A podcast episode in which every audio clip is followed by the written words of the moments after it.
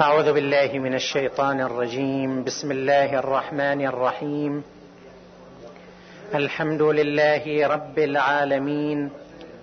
والصلاة والسلام على أشرف الأنبياء والمرسلين. نبينا وحبيب قلوبنا وشفيع ذنوبنا أبي القاسم محمد.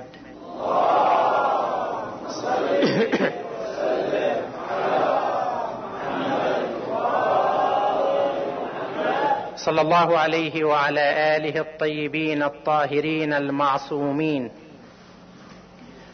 قال الله العظيم في كتابه الحكيم بسم الله الرحمن الرحيم. الله الذي خلقكم من ضعف ثم جعل من بعد ضعف قوة. ثم جعل من بعد قوة ضعفا وشيبة. يخلق ما يشاء وهو العليم القدير. آمنا بالله.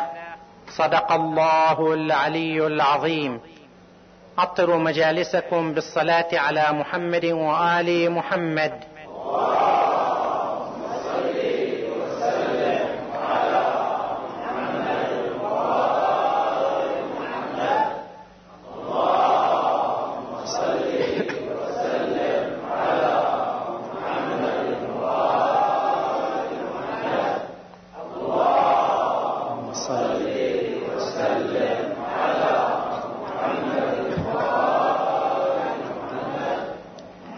حديثنا هذه الليلة بعون الله عن الإمام الصادق وقضايا الشباب. مشكلة الشباب أصبحت اليوم مشكلة مطروحة على المستوى العالمي. ففي كل الدول وكل المجتمعات هناك حديث عن أوضاع الشباب ومشاكلهم. وأغلب حكومات العالم اليوم لها وزارات أو مؤسسات تعنى بشؤون الشباب. وقد اتخذت الجمعية العامة للأمم المتحدة قرارا باعتبار سنة 1985 سنة للشبيبة على مستوى العالم. كما أن المجلس الاقتصادي في الأمم المتحدة أصدر توصياته إلى كل الدول والحكومات بأن تزيد من اهتمامها بقضايا الشباب وأن تسعى إلى حل مشاكلهم. وطبعا هذا كان نتيجة للمشاكل التي عانت منها المجتمعات الغربية بالدرجة الأولى من قضايا الشباب. في أمريكا وفي مختلف الدول الأوروبية بدأوا يعانون من الاضطرابات والمشاكل وما يطلقون عليه أزمة المراهقة في أوساط أبنائهم وشبابهم. في منتصف هذا القرن تصاعدت هذه الأزمة في الولايات المتحدة الأمريكية. فمثلا سنة 1955 يعني قبل أربعين سنة زادت حدة الاضطرابات. في أوساط المراهقين والشباب. أغلب المدارس كانت تحصل فيها مشاكل اضطرابات تمردات سرقات حرائق. كانت تحرق مؤسسات عامة مؤسسات خاصة. وشكلت الحكومة الأمريكية حينئذ لجنة لدراسة هذا الموضوع ومتابعته. هذه اللجنة أصدرت تقريرا متشائما وتوقعت أن ترتفع وتيرة هذه الأحداث وأنه في سنة 1960 سيكون هناك مليون مراهق أمام المحاكم بسبب هذه الجرائم والاضطرابات. ولا زالت هذه الحالة مستمرة في أمريكا. حوادث الانتحار والاختطاف وجرائم القتل والاغتصاب والسرقات والمشاكل التي تصدر حولها إحصائيات وتقارير في أمريكا النسبة العظمى من مرتكبي هذه الحوادث هم من فئة الشباب المراهقين. في أوروبا أيضا نفس الحالة موجودة. فمثلا في فرنسا سنة 1968 حدثت هناك انتفاضة وثورة عارمه في أوساط الشباب والمراهقين الطلاب واحتلوا جامعة السوربون لمدة شهر كامل. ونظم العمال الشباب إضراب عن العمل شارك فيه عشرة ملايين عامل. وحدثت مشاكل كثيرة حركة أيار مايو معروفة في التاريخ الفرنسي الحديث المعاصر. واستمرت وتيرة الاضطرابات في أوساط الشباب عندهم في تصاعد. وإلى الآن آخر تقرير في فرنسا قرأته عن سنة 1992 أنه ازدادت حالات الانتحار. ثمانين في المئة من حالات الانتحار الزائدة عندهم هي في أوساط الفتيان الشباب. وعشرين في المئة في أوساط الفتيات. وكثير إحصاءات حول هذا الموضوع لأن هالمشاكل موجودة في تلك المجتمعات بدأت المشكلة تأخذ طابعا عالميا وتناقش في المؤسسات الدولية العالمية. مؤتمرات دراسات أبحاث عندهم حول مشكلة الشباب وقضايا الشباب أزمة المراهقة عند الشباب ويقدموا عدة نظريات أو عدة تحليلات لهذه الظاهرة لظاهرة المراهقة. بعض علماء النفس عندهم يفسروها على أنها نتيجة حالة الصراع بين جيلين. باعتبار الشباب يمثلوا جيل جديد بينما الموجودين في المجتمع الكبار هم جيل سابق لهم. ففي صراع بين هذين الجيلين الجيل الجديد يريد يأخذ موقعه يريد يطرح آراءه يريد يباشر الأمور بنفسه. ما عاد يستسيغ طريقة الجيل السابق أو يتناغم معها. فينشأ هذا الصراع وتحدث هذه المشاكل من خلال هذا الصراع. بعضهم يتحدث عن مشكلة التمرد على السلطة الأبوية.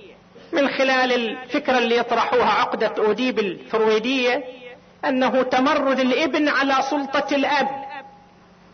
وهذا ينتج عنا كل هذه المضاعفات وكل هذه المشاكل. بعضهم يتحدث على مستوى العالم طبعا عن مشكلة فرصة التعبير عن الرأي والمشاركة في إدارة شؤون المجتمع. لأن الشباب يرون أن الكبار هم مسيطرون على شؤون المجتمع السياسية والاقتصادية والاجتماعية والإعلامية وهم يريدوا يعبروا عن رأيهم يريدوا يكون لهم دور في المشاركة. فحينما يتعذر عليهم دور المشاركة أو التعبير عن الرأي يلجؤون إلى هذه الوسائل والأساليب. وبعضهم يتحدث عن غياب فرص العمل ووجود حالات البطالة أو عدم الانسجام بين النظام التعليمي وبين الوضع الاقتصادي في المجتمع وعندهم تحليلات مختلفة لهذا الموضوع. هناك مسألة ترتبط بهذا البحث لا بأس بالإشارة إليها وهي هل هناك تلازم بين ما يسمونه أزمة المراهقة وبين الحالة الجسمية عند الشاب؟ يعني معروف أن الشاب يعيش حالة جسمية متطورة. حينما يصل إلى مرحلة الشباب وقت النضج تبدأ تغيرات واضحة في جسمه تظهر على جسمه. طوله وزنه الشعر اللي يخرج على وجهه اضطراب الهرمونات والحالة الجنسية اللي تصير عند الإنسان. هذه حالات واضحة جسمية. هم يعني علماء النفس والاجتماع في الغرب. يحاولوا يصوروا أن هالمراهقة اللي تصير أزمة المراهقة وهالاضطرابات وهالمشاكل هي نتيجة حتمية لهذا التطور الفسيولوجي اللي يصير عند الإنسان. ولكن لا يبدو أن هذه النظرية دقيقة وصائبة. صحيح أن التطور اللي يصير في جسم الإنسان يخلق استعداد عند الإنسان. لكن مو حالة حتمية لأنه من خلال القراءة الاجتماعية لتاريخ المجتمعات الإنسانية لا نرى أن هذه الظاهرة ظاهرة حتمية. كل إنسان حينما يصل إلى هذا السن تصير تغيرات في جسمه. مهما كان لونه عرقه مجتمعه عقيدته لكن ليس بالضرورة أن تصاحب هذه الحالة أن تصاحبها حالة من الاضطراب السلوكي ومن المشاكل ومن المساوئ. هذه مو حالة حتمية. وإنما ذلك يرتبط بالقيم والظروف السائدة في المجتمع. في استعداد يكون في أرضية عند الإنسان في هذه المرحلة. لكن المسألة تعتمد على الجو السائد في المجتمع الظروف التي يعيشها الشاب في المجتمع. قد تكون الظروف والقيم جيدة ومناسبة فلا تبرز هذه المضاعفات السلبية. ما تصير اضطرابات ولا أزمة مراهقة. وقد تكون الأجواء سيئة النظام السائد القيمي والاجتماعي سيء هذا يسبب مثل هذه الحالة. اذا فالسبب مو فيزيولوجي حتمي وإنما هو سبب اجتماعي. هناك استعداد في جسم الإنسان في مثل هذه المرحلة في نفس الإنسان. لكن الظروف الخارجية هي لها الدور الأساس في هذا المجال. ولذلك حينما نقرأ تاريخ المجتمع الروماني ما نشوف هذه الظاهرة موجودة في أزمة المراهقة. بالعكس كان المجتمع يحتفي ببلوغ أولاده إلى سن النضج. كانوا لما يصير عمر الولد 14 سنة يسووا الاحتفال. ولبسوه ثوب فضفاض دلالة على أنه قد بلغ سن النضج والرشد. وكذلك المجتمعات الأوروبية في العصور الوسطى كانوا يحتفلون بفروسية من يصل إلى هذا السن. خلوا ينتطي الفرس ويقود الفرس يصير فارس خيال في تلك السن ويعملوا احتفالات وتقاليد عندهم. المجتمعات البدائية أيضا نفس الشيء. ونحن نرى أنه في مجتمعنا الإسلامي ما كانت هالحالة موجودة دائما وابدا. نعم حينما تضطرب الأوضاع الاجتماعية والسياسية والفكرية في المجتمع هذه الظاهرة تصبح واضحة وواسعة. وإلا إحنا عندنا في المجتمع الإسلامي فترة الشباب هي فترة الالتزام هي فترة تحمل المسؤولية هي فترة الانطلاق. الإنسان يصير بالغ. بالغ يعني شنو؟ يعني يصير مكلف. مكلف يعني شنو؟ يعني يبدأ يتحمل مسؤوليته. ينقل عن السيد ابن طاووس رحمة الله عليه هذا العالم المعروف. هذا كان مسوي له عاده هو كاتب عنها في كتابه التشريف بتعريف وقت التكليف. يقول أنا الله وفقني أن أعتبر يوم بلوغي عيدا أحتفل به كل سنة. كل سنة يوم اللي بلغ فيه يوم صار عمره 15 سنة مثلا أو قبل يوم بلوغه عيد يعتبر له ليش؟ لأنه يقول ذاك اليوم تشرفت فيه بالتكليف من قبل الله تعالى. إذا فهي مو حالة حتمية وإنما الظروف التي تحيط بالشاب الأوضاع التي تحيط بالشاب هي لها كلمة رئيسية في هذا المجال. الإمام جعفر بن محمد الصادق سلام الله عليه. كيف ينظر إلى مرحلة الشباب؟ وما هو البرنامج الذي يقدمه للشباب في مثل هذه المرحلة من العمر؟ وواضح أن مرحلة الشباب هي أهم مرحلة في حياة الإنسان. هي مرحلة القوة خلقكم من ضعف. فترة الطفولة الإنسان يكون ما استكمل قواه ما استكمل نموه ونضجه. ثم جعل من بعد ضعف قوة. ثم جعل من بعد قوة ضعفا وشيبة يبدأ العد التنازلي. فهالمنطقة من العمر؟ هي ربيع العمر. هي المنطقة الحيوية في عمر الإنسان. أفضل فترة زمنية تمر على الإنسان في عمره هي هذه الفترة فترة الشباب. ولذلك يتأسف عليها.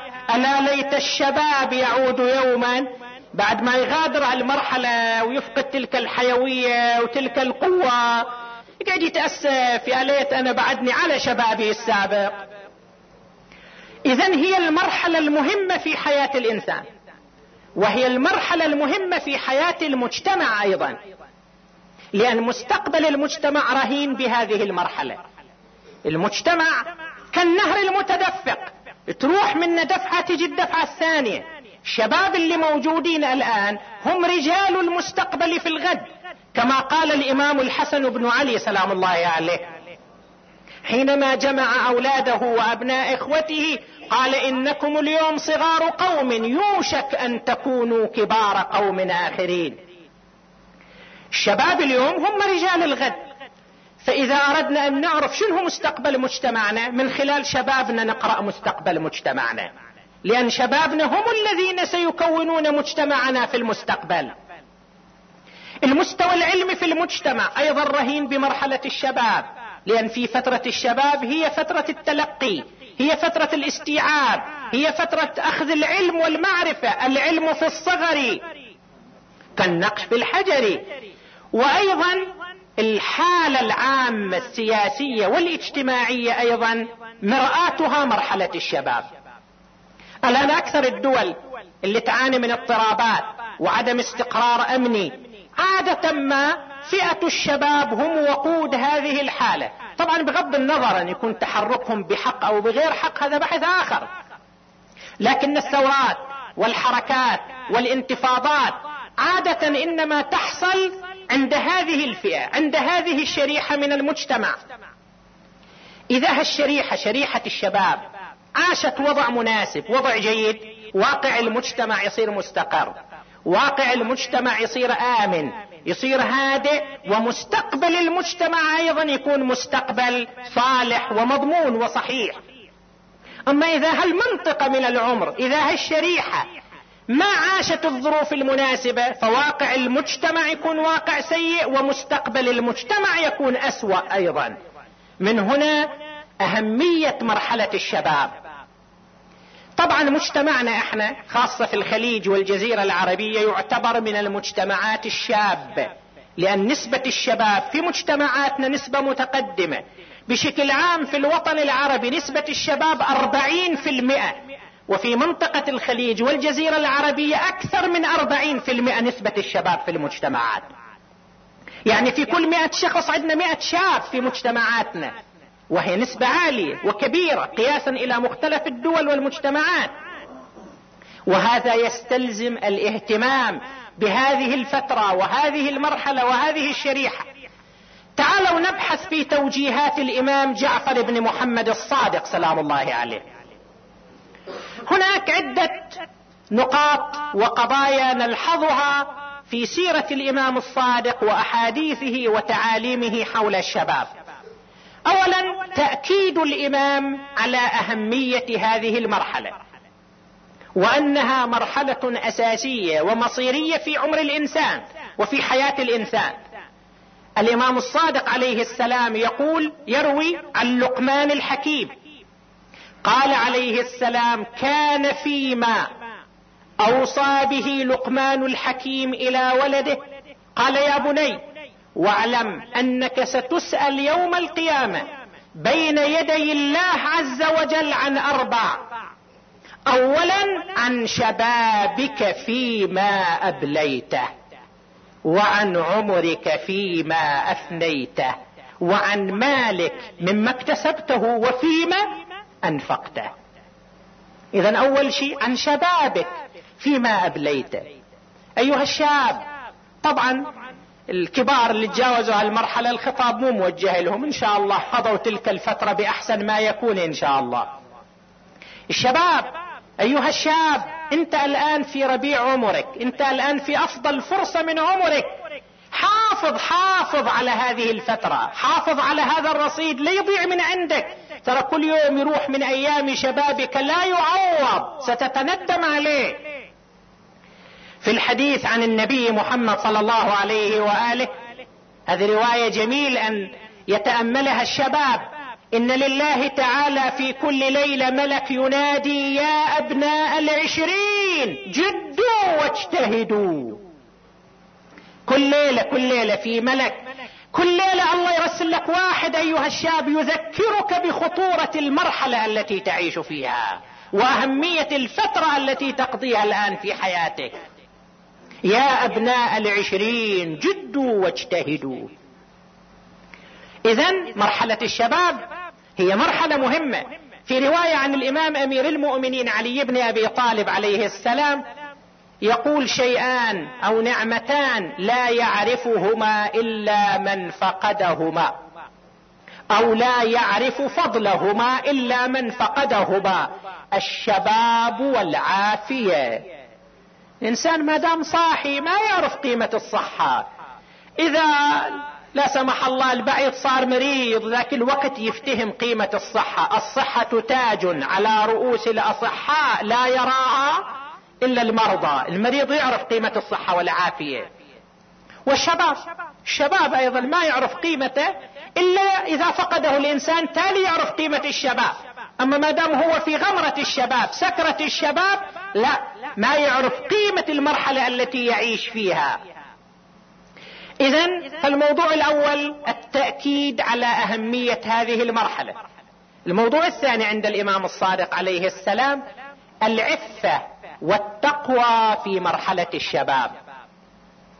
الإنسان يحتاج إلى أن يكون عفيفا ارادته قوية يتحكم في شهواته وأهوائه ورغباته في كل مراحل حياته. لكن المرحلة الأدق والأكثر حساسية هي مرحلة الشباب. ليش؟ لأن في هالمرحلة هي مرحلة قوة حالة الشهوة حالة الرغبة بل هي مرحلة هيجان لشهوات الإنسان ولغرائز الإنسان. فيكون الإنسان في حاجة ماسة وشديدة إلى التقوى. خاصة الآن في هالعصر اللي إحنا نعيشه. تفنن في استثارة الغرائز. تفنن في استثارة الغرائز. والشاب المسكين يجد نفسه أمام التلفزيون أمام الفيديو أمام المجلة أمام الصحيفة أمام الشارع في المناطق اللي فيها ابتذال وخلاعة. يشوف كل إثارات كل دعوات كل تهييج لشهواته ورغباته. فهل يقاوم هذه الحالة؟ هل يتمسك بعفته؟ هل يسيطر بإرادته على شهواته وأهوائه؟ هذا هو الامتحان الصعب. هذا هو الامتحان الكبير الذي يواجهه الإنسان في حياته. والقرآن الحكيم يقدم نموذج قصة نبي الله يوسف عليه السلام. يقدمها نموذج للشاب الذي يعيش مثل هذه الأجواء. كلما كانت الأجواء اشد إغراء كان الشاب أمام امتحان أصعب وبالتالي كان ثوابه وفضله عند الله سبحانه وتعالى أكبر إذا هو تمسك بعفته وتقواه لا بأس أن تسمعوا هذا الحديث الوارد عن رسول الله صلى الله عليه وآله. كان جالسا مع أصحابه يوم من الأيام وإذا به يقول يأتي على الناس زمان.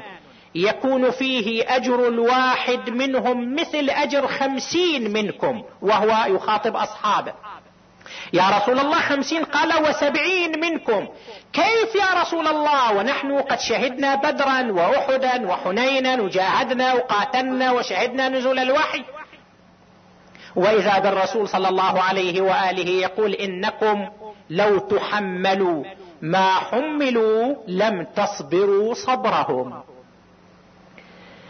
آبائنا وأجدادنا عاشوا في ظروف كافة عافة. الأجواء العامة كانت أجواء تؤكد حالة العفة حالة التقوى. حفاظ في المجتمع وحجاب وتدين وتقوى. كان في أيضا معاصي بس كانت في حدود جدا منخفضة. الآن لا الشاب يعيش جو من التهييج جو من إلهاب الشهوات والغرائز إسعار الشهوات والغرائز. هنا على الشاب أن يجعل نبي الله يوسف قدوة دائما يجعله نصب عينيه. نبي الله يوسف كان في أوج شبابه وكان قمة في الجمال معروف جمال نبي الله يوسف. وعاش في جو أيضا فيها التهييج للشهوة والإغراء وغلقت الأبواب. وقالت هيت لك امرأة الملك عزيز مصر. وبالطبع كانت على مستوى متقدم من الجمال كما تنقل الروايات عنها عن زليخة. هيأت كل الأجواء وكانت تضغط عليه وتصر عليه. ولكن نبي الله يوسف سلام الله عليه وهو يجب أن يكون قدوة لكل الشباب في مثل هذه المرحلة. قال معاذ الله معاذ الله. ابدا ما ما حدث نفسه بأن يستجيب لدواعي الإغراء والشهوة. وهكذا يجب أن يكون الشاب. الشاب اللي, اللي عنده الروحية كم هو فضله عند الله. كم هي مكانته عند الله؟ الإمام جعفر الصادق سلام الله عليه يؤكد على هذا الموضوع. يقول عليه السلام من قرأ القرآن؟ من قرأ القرآن وهو شاب اختلط القرآن بلحمه ودمه وكان حجيزا عنه يوم القيامة عن نار جهنم. الشاب اللي يقبل على القرآن ويتفهم القرآن ويقرأ النماذج اللي في القرآن ويقتدي بها. هذا القرآن يختلط بلحمه ودمه والقرآن يصير حجيز عنا عن النار يوم القيامة. بعد رواية أخرى عن النبي محمد صلى الله عليه وآله. رواية جدا رائعة تصلح هدية لكل شاب مؤمن متقي. يقول صلى الله عليه وآله إن الله ليباهي بالشاب العابد ملائكته. الله يباهي بالشاب العابد. إن الله ليباهي بالشاب العابد ملائكته. يقول انظروا يا ملائكتي إلى عبدي ترك شهوته من أجلي. الشاب المؤمن الله يباهي به الملائكة. وفي حديث آخر يقول صلى الله عليه وآله فضل الشاب العابد الذي يتعبد في صباح على الشيخ الذي يتعبد حينما يتقدم سنه كفضل المرسلين على سائر الناس. شلون فضل النبي على الناس؟ الشاب المتعبد هالشكل فضل عند الله سبحانه وتعالى. حديث آخر سبعة. يظلهم الله تعالى تحت ظله يوم لا ظل إلا ظله. سبعة أشخاص يوم القيامة ذاك العرق ذاك الحار ذاك ال... ذلك اليوم العظيم الرهيب. لكن سبعة مستقرين في ذلك اليوم. يظلهم الله تحت ظله يوم لا ظل إلا ظله. واحد منهم شاب نشأ في عبادة الله. الشاب اللي ينشأ في عبادة الله؟ هذه قيمته هذه مكانته. هذه الناحية الثانية. الناحية الثالثة في برنامج الإمام الصادق عليه السلام للشباب التعلم والتزود في مرحلة الشباب. في مرحلة الشباب الإنسان يكون عنده استعداد للاستيعاب استعداد للعلم والمعرفة. مسؤوليات الحياتية الدنيوية بعده قليلة محدودة. ففي هذه المرحلة يجب أن يستفيد أكبر قدر ممكن من العلم من الثقافة من المعرفة. ولذلك يقول الإمام جعفر الصادق عليه السلام إني لا أحب أن أرى الشاب منكم غاديا إلا في إلا في حالتين أو في إحدى حالتين إما عالما أو متعلما. فإن لم يفعل فرط. فإن فرط ضيع. فإن ضيع أثم. فإن أثم سكن النار ورب العزة. الشاب لازم يستثمر هالفترة في العلم في تلقي العلم. أمير المؤمنين علي بن أبي طالب عليه السلام يقول تعلموا العلم صغارا تسودوا به كبارا. ويقول في حديث آخر من لم يجهد نفسه في صغره لم ينبل في كبره. التقدم الإنسان يستطيع أن يحرز التقدم لنفسه من مرحلة شبابه. في هالمرحلة لازم الواحد يتعلم ويستفيد من العلم ويتملى من العلم. ويشوف الإنسان الآباء كيف يتاسف وكثير من الناس يتأسف يقول مع الاسف لو كنت أعرف قيمة العلم. ما كنت صرت هالشكل كان اهتميت بالعلم. ترى حتى كثير من الشباب اللي يفرطوا في دراستهم بعد ما يتقدم بهم العمر والسن يتندموا يتأسفوا. بس ما في فائدة الأسف والندم بعد. ضيع على نفسه الفرصة. يقدر أيضا. في الحمد لله وسائل اللي يقدر يلحق بالركب لكن بصعوبة أكبر. صعوبة أكبر راح تكون عليه. إذا فمسألة التعلم. الموضوع الرابع. هي مسؤولية المجتمع تجاه الشباب. المجتمع عليه أن يساعد الشباب في هذه المرحلة. عليه أن يهتم بالشباب في هذه المرحلة. ولذلك الإمام الصادق عليه السلام عند توجيهات كثيرة للمجتمع حول الاهتمام بالشباب في مرحلة شبابهم. قال عليه السلام بادروا أحداثكم بالحديث. قبل أن تسبقكم إليهم المرجئة. يعني أيها المجتمع أولادكم شبابكم انفتحوا معهم تحدثوا معهم حول مفاهيم دينهم ثقفوهم علموهم وجهوهم ربوهم. إذا قصرتم في هذا المجال فإن الفئات المنحرفة فإن التيارات الفاسدة المغرضة هي التي ستستقطب شبابكم. هي التي ستؤثر على شبابكم. وبالفعل إحنا شفنا يعني في مختلف المجتمعات. كمثل من الأمثلة العراق. العراق مجتمع كان فيها الحمد لله حوزة علمية عندنا علماء وطلاب علوم دينية وتعتبر الحوزة العلمية قبلة المؤمنين هناك. العلماء الخطباء الكتب الرسائل العملية. هذا العراق حصل فيه نوع من التساهل عدم الاهتمام بطبقة الشباب في أواسط هذا القرن واجت الأحزاب المنحرفة والمختلفة وإذا أولاد نفس العلماء أولاد العلماء أولاد المتدينين أولاد سدنة الروضات والعتبات المقدسة وإذا بهم يصبحون أدوات في أيدي أعداء الإسلام. ليش؟ هذا صار من عدم الاهتمام بهذا الجيل. عدم توعية هذا الجيل والا كيف استقطبتهم هذه الفئات وهذه الأحزاب؟ وكيف أخذوا يمينا وشمالا؟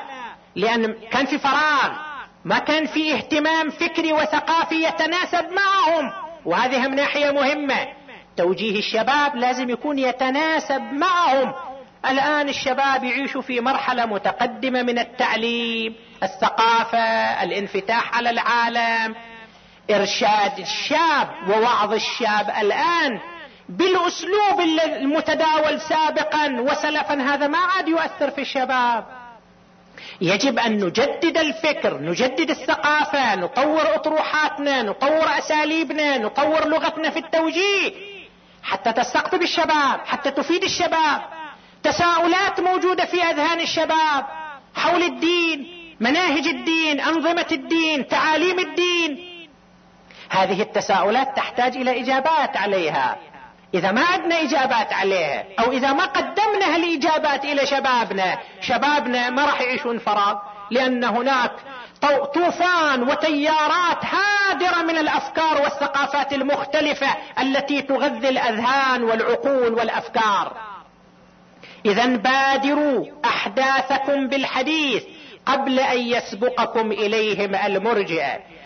ورواية أخرى أيضا الإمام الصادق عليه السلام يسأل أبا جعفر أحد تلامذته وهو أحد الدعاة أيضا يسأله الإمام كيف رأيت إقبال الناس على هذا الأمر؟ شلون تجاوب الناس معه؟ اللي تدعوهم إلى أهل البيت. قال يا ابن رسول الله قليل. وإذا بالإمام يقول له عليك بالشباب فإنهم الأسرع إلى كل خير. شباب عندهم استعداد عندهم قابلية. الأسرع إلى كل خير. فاذا الإمام يوجهنا إلى الاهتمام بمرحلة الشباب وفئة الشباب. رسول الله صلى الله عليه وآله أيضا له أحاديث يوجه الأمة إلى الاهتمام بالشباب. أوصيكم بالشبان خيرا. هذا حديث نبوي. أوصيكم بالشبان خيرا. فقد بعثني الله بالحق نبيا. فخالفني الشيوخ وحالفني الشباب. يعني اللي اتبعوا النبي واللي استجابوا إلى دعوته كانوا هم الشباب. ولذلك النبي يوصينا بالشباب أوصيكم بالشبان خيرا. نحن الآن في مجتمعنا كما قلت مجتمعنا في طبقة شاب واسعة. شريحة الشباب عندنا شريحة واسعة. لكننا يحتاج أن نهتم بأمر هذه الشريحة. كيف لازم نهتم؟ كيف يجب أن نهتم؟ اولا يجب أن نفكر في وضع شبابنا. لازم هذا الموضوع يصير مدار بحث مدار مناقشة مدار تفكير بين عقلاء المجتمع الواعين من المجتمع. لازم ما نكون مسترسلين. وفجأة نشوف أمامنا بعض الظواهر نشوف المخدرات تنتشر نشوف عصابات سرقة نشوف عزوف عن التدين نشوف حالات لا أخلاقية. هذه حالات طبيعيا راح تصير. إذا لم ننتبه نحن إلى أبنائنا وإلى شبابنا ونهتم بهم ونفكر ونخطط لهم. ثانيا ينبغي أن نهتم بالمؤسسات الشبابية. الشباب مو فقط يسمعوا محاضرة ويروحوا هاي شكل شاب يسمع محاضرة ويطلع برا. شاب عنده طاقة عنده جهد فكري جهد نفسي جهد بدني. يريد يمارس جهد. يريد يشتغل يريد يتحرك يريد يؤدي دور. إحنا لازم نصنع مؤسسات اللي تستقطب وتمتص طاقات هؤلاء الشباب وتنميها لمصلحتهم ومصلحة المجتمع. مع الأسف أن إحنا كمتدينين ما طورنا مؤسساتنا الدينية. عندنا المسجد المسجد مؤسسة دينية. شي يحصل الشاب من المسجد؟ يجي يصلي جماعة ويمكن هم يسمع لمسألة شرعية ويطلع. بس شلون هو ينمي شلون يحرك طاقته من خلال المسجد؟ ما عندنا برنامج. صلي واطلع. توكل على الله. عندنا الحسينية مؤسسة دينية. شي يحصل الشاب من الحسينية؟ يجي يتسمع محاضرة ويطلع برا في أمان الله. طيب وين يصرف هذا الشاب طاقته؟ يريد يلعب دور يريد يتحرك يريد يعمل يريد يسهم في وضع مجتمعه. إحنا لازم نفكر في مؤسسات لازم نفكر في أعمال. اللي هي تحرك شبابنا وتنمي طاقاتهم وتفجر طاقاتهم في الطريق الصحيح.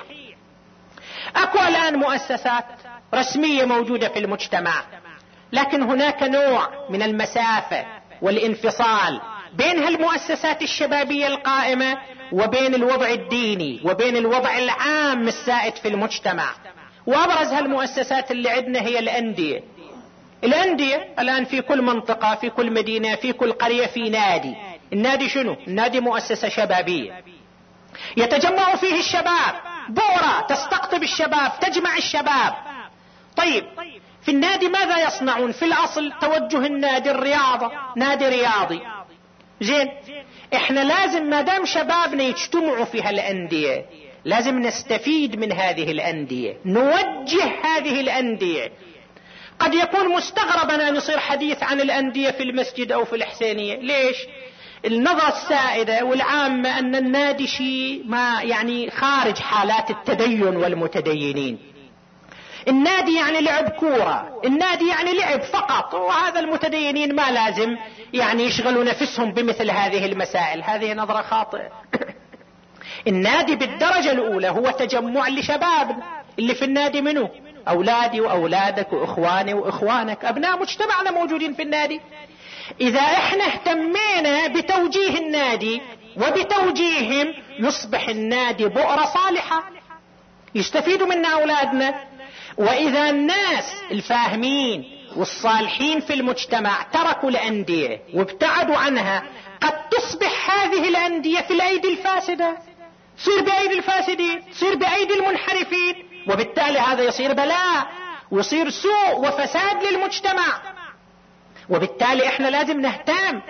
وفي البلدان المختلفة نشوف العلماء نشوف رجال الدين نشوف الواعين يتداخلون مع الأندية.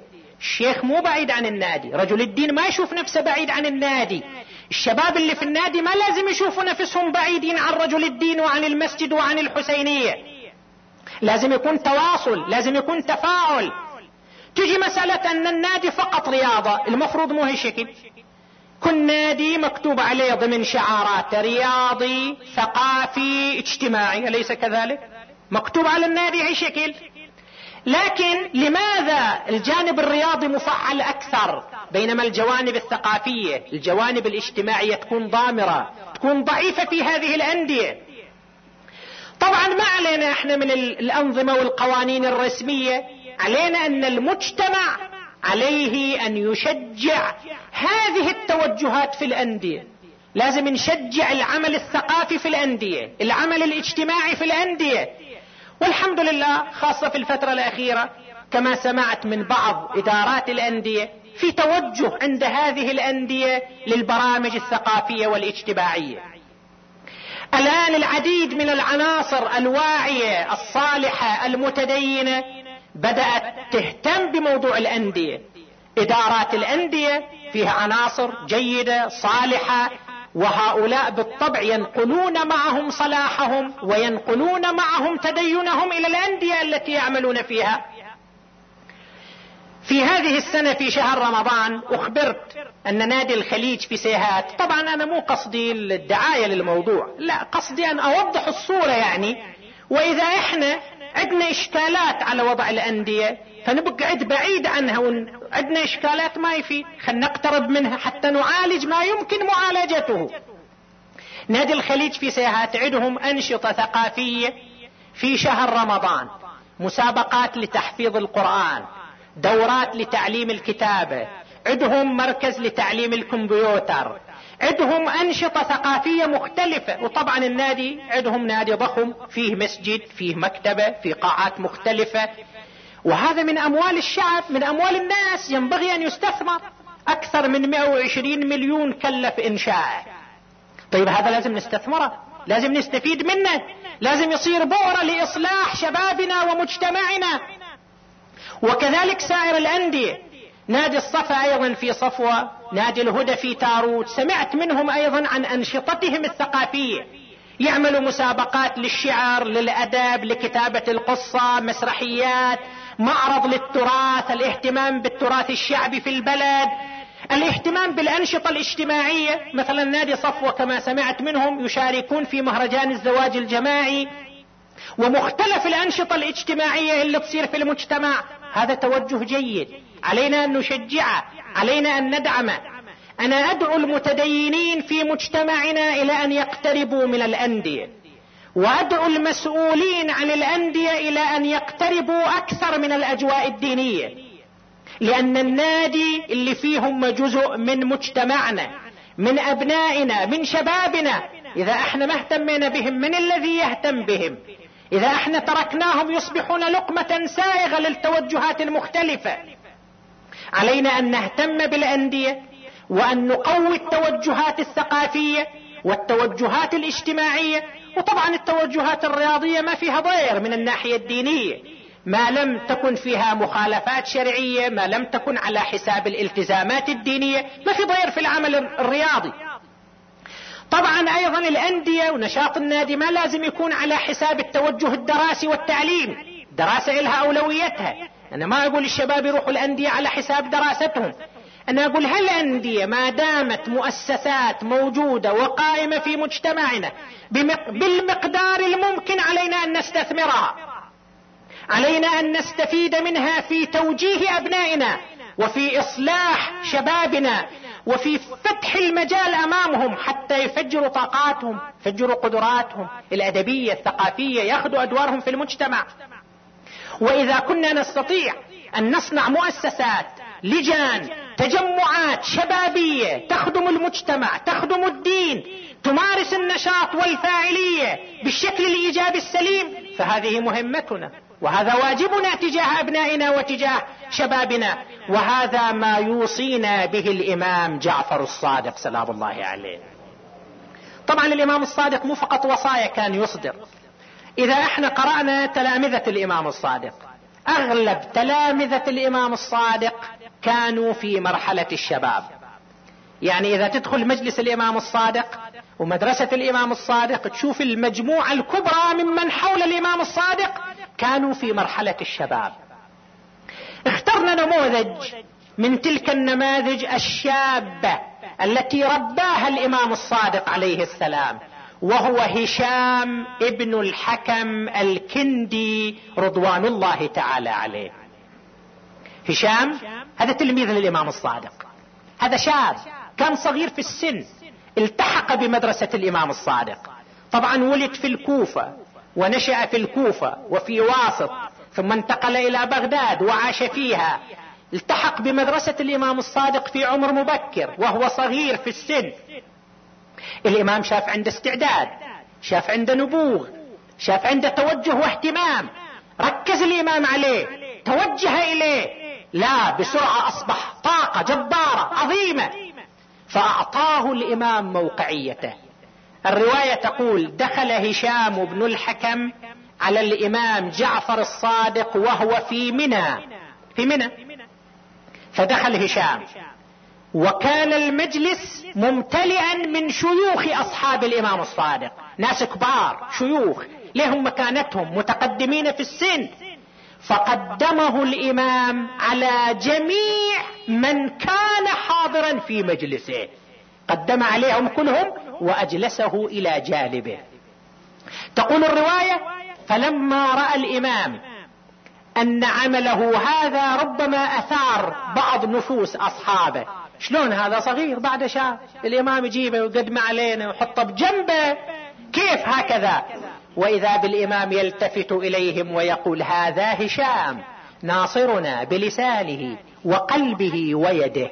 يعني أنا ما أعطيته المكانة هكذا قوترة وإنما لأنه يستحق هذه المكانة يستحق هذا الدور.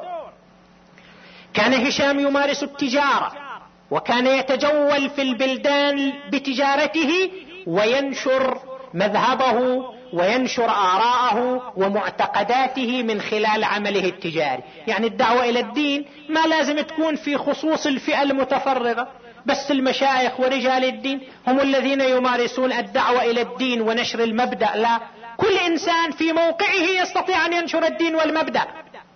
هذا تاجر من خلال تجارته كان ينشر مبدأ كان ينشر معتقداته. قال عنه الإمام الصادق عليه السلام هشام يخاطبه يا هشام لا زلت مؤيدا بروح القدس. كان يناظر المتكلمين والفلاسفة رؤساء الأديان زعماء المذاهب أصحاب التيارات والتوجهات المختلفة فما ناظر احدا إلا وافحمه وأثبت عليه الحجة. تاريخ ينقل أن يحيى ابن خالد البرمكي كان عنده مجلس مفتوح في بغداد. مساء كل يوم جمعة. مجلس مفتوح يحضره رؤساء الأديان. زعماء المذاهب الفرق التيارات المختلفة. ويتناقشوا يتناظروا فيما بينهم. هذا من روائع حضارتنا. حضارتنا في الماضي كانت هالحالة من الانفتاح. يجلسوا رؤساء الأديان المذاهب عندهم جلسات منتظمة أسبوعية أو موسمية ويتناقشوا ويتبادلوا الرأي. وهذا هو الأسلوب الصحيح. لكن مع الأسف صرنا كل واحد هو بنفسه صاير دولة مستقلة. كل واحد هو خالق له صومعة لنفسه لا يلتقي مع الآخرين ولا يسمع آراء الآخرين. وفي أحسن الفروض كل واحد يلتقي مع جماعته. أنا عندي جماعة يوافقوني على آرائي اقعد وياهم ويقعدوا وياك وأنت عندك جماعة يوافقوك على آرائك تقعد وياهم ويقعدوا وياك. أي تلاقي أي تحاور أي نقاش ولهذا يصير احتقان فكري في المجتمع. ولهذا تصير حالات سلبية في المجتمع. ليش؟ بسبب هالاحتقان. لأن الواحد إذا ما يعبر عن رأيه في مجال مفتوح يلجأ إلى الأساليب السلبية والسيئة. بس إذا في مجالات مفتوحة الناس يقعدوا ويتناقشوا ويتكلموا ويعترضوا على بعضهم بعض ويحتجوا ويتحاوروا. هذا يصير تنفيذ وتنضيج وبلورة. فإذا يحيى ابن خالد البرمكي كان عنده مجلس إسبوعي. ويجتمعوا فيه. كل رؤساء الفرق والأديان. فإذا حضر هشام اصبح هو رئيس المجلس بلا منازع. كلهم يحتكمون إلى رأيه. كلهم يحتكمون إلى رأيه. وصارت له سمعه وصار إلى صيت في هذا المجال. حتى أن هارون الرشيد أحب أن يسمع مجلس من مجالس مناظراته. قال ليحيى يا يحيى أسمع كثيرا عن صاحبكم هشام. أبغى أسمع هذا شلون يناظر يعني شو يسوي؟ شو يسوي؟ ما مخلي واحد إلا غلبنا ما مخلي عالم إلا أفحمه ما مخلي. شنو هذا؟ شو يقول؟ شو عنده؟ أريد أسمع. يقول فقلت له لعله يمتنع عن المناظرة إذا كنت حاضرا. ما يناظر. قال فاجعل ستارا بيني وبينه. أحد الأسابيع في مجلس المناظرة. خلى يحيى حاجز يعني والرشيد قاعد ورا الحاجز وبدأ مجلس المناظرة. وصار هارون الرشيد يسمع. مناظرة مع زعيم اليهود لا أفحمه هشام. مع زعيم النصارى أفحمه هشام. مع الفرق الإسلامية المختلفة أفحمهم هشام. نهاية المجلس يقول يحيى دخلت على هارون فرأيته متحفزا. شنو هذا؟ قال والله للسان هشام. أوقع في نفوس الناس من ألف سيف. وكان متحفز من قوة هشام وجدله ومناظراته وقوة حجته. ولذلك ترصده هارون الرشيد. هارون الرشيد ترصد هشام. وفترة بقي مختبئ. لفترة طويلة كان مختبئ ما يقدر يجهر بنفسه يعلن نفسه. طبعا له مؤلفات عديدة. عدوا من مؤلفاته 17 كتاب وهو أول من ألف في الأصول في أصول الفقه. والمناظرات التي أثبتها التاريخ بتفاصيلها. مناظرات اللي بتفاصيلها أثبتها التاريخ 15 مناظرة. الإمام الرضا عليه السلام قال في حقه رحم الله هشام لقد كان عبدا ناصحا. هذا نموذج للشاب. الشاب اللي يتفهم عقيدته واللي يكافح دون عقيدته مو الشاب المهزوز اللي أقل إشكال يطرح عليه ما يعرف يجاوبه ما يعرف شلون يرده. هذا النموذج الذي يقدمه الإمام الصادق عليه السلام. بقي هشام مختبئا إلى أن أدركته الوفاة وهو مختبئ في الكوفة سنة 197 هجرية فأوصى أن يدفن في الليل وأن يكتب على قبره هذا قبر هشام ابن الحكم. توفي حتف أنفه وكان مطلوبا عند أمير المؤمنين هارون الرشيد. قال لهم كتبوا هذا على قبري. حتى بعد فك السلطة من البحث والتنقيب وتعتقل الناس. ويوم مات هشام كان في سجون هارون كل إخوته وتلامذته ومعاريفه معتقلهم هارون حتى يدلوا عليه. وين هشام؟ فقال اكتبوا على قبره شكل حتى الله يفرج على هذولا. ووصل الخبر إلى هارون فقال الحمد لله الذي فكنا من أو الذي أراحنا من استراح له. وأطلق سراح كل الناس اللي اعتقلهم بسببه. هذا نموذج للشاب وطبعا بالفعل الإنسان إذا رأى أمامه شابا ملتزما بدينه مكافحا من أجل دينه كم يمتلئ فرحا كم يمتلئ سرور. وعندنا روايات أن أهم نعمة يجدها الإنسان في حياته الولد الصالح. تحصل ولد صالح؟ ولد صالح متمسك ملتزم هذا أهم نعمة. هذه أهم نعمة الإنسان ينبغي أن يسعى وهي نعمة مو عسيرة إذا الإنسان يسعى لها إذا المجتمع يسعى لها والحمد لله طيب مجتمعنا وطيب أهلنا. والحالة العامة اللي موجودة في مجتمعنا تهيئ أجواء الصلاح لأبنائنا. بس يحتاج من عندنا شوية اهتمام شوية رعاية. وإلا الأوليات موجودة حب أهل البيت ومدارس أهل البيت. هالاجواء اللي إحنا نعيشها ببركة أهل البيت؟ الطفل من صغر سنه يعيش في مثل هذه الأجواء. هذه تعطيه أرضية هذه تعطيه خلفية جيدة. لا عذب الله أمي. إنها شربت حب الوصي. وغذتني في اللبن وكان لي والد يهوى. نسأل الله أن يثبتنا وإياكم على ولايتهم. فالولد الصالح هي النعمة الكبرى. والإنسان يبذل كل ما عنده يعني ماكو شيء يغلى على الولد الصالح. إذا تشوف ولد صالح في مثل هالحالة أي شيء يريده أنت تقدم حتى حياتك فداء له. ويتألم الأب حينما يرى أمامه ولده الصالح يطلب منه شيئا فلا يستطيع تلبيته له. أكو ولد صالح أحسن وأفضل من علي الأكبر شبيه المصطفى. هذا كم كان يسوى في نفس الحسين؟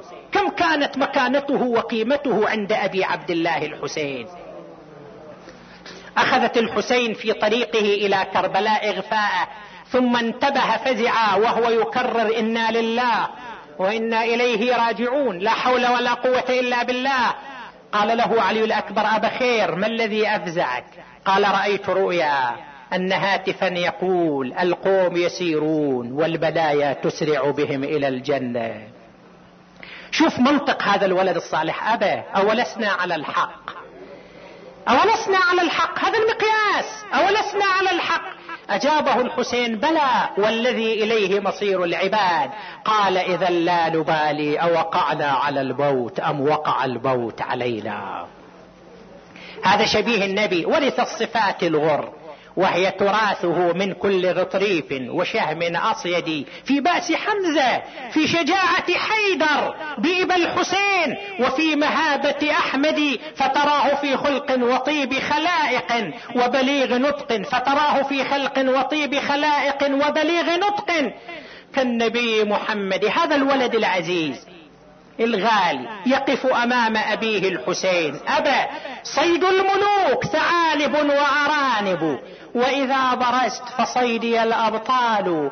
أبا هل من جائزة أريد من عندك جائزة أبتا. طلبة طلبة أطلبها منك يا أبتا.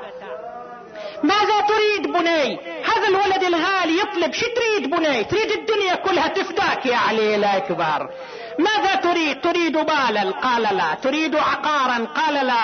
ماذا تريد؟ صاح يا أبويا قطرة أمي الكبدي يا أبويا قطرة امي الكبدي أتروى وارد للميدان و...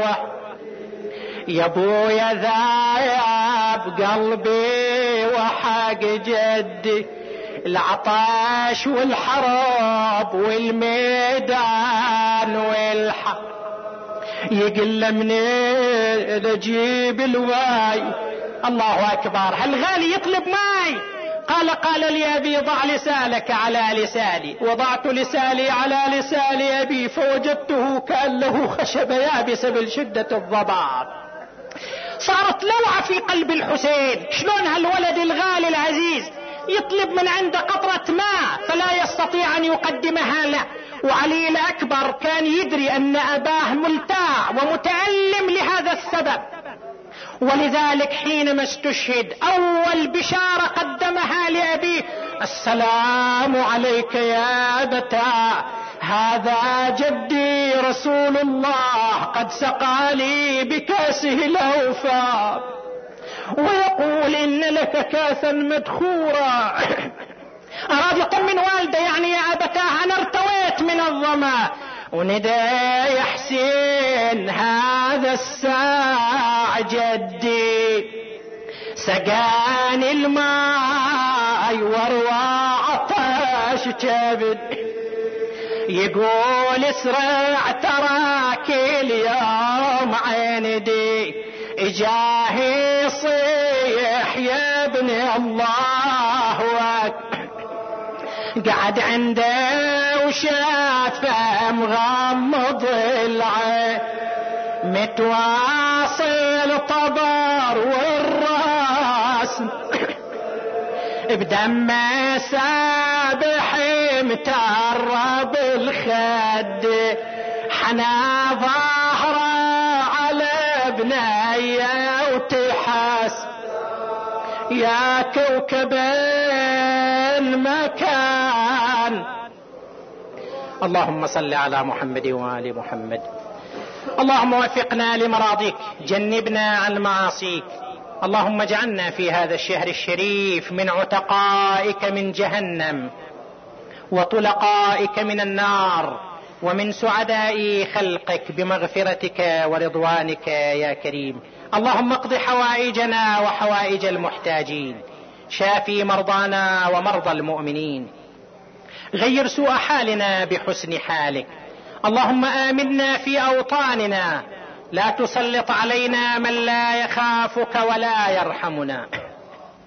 وإلى أرواح أمواتنا وأموات الحاضرين والمؤمنين والمؤمنات نهدي للجميع ثواب الفاتحة مع الصلوات.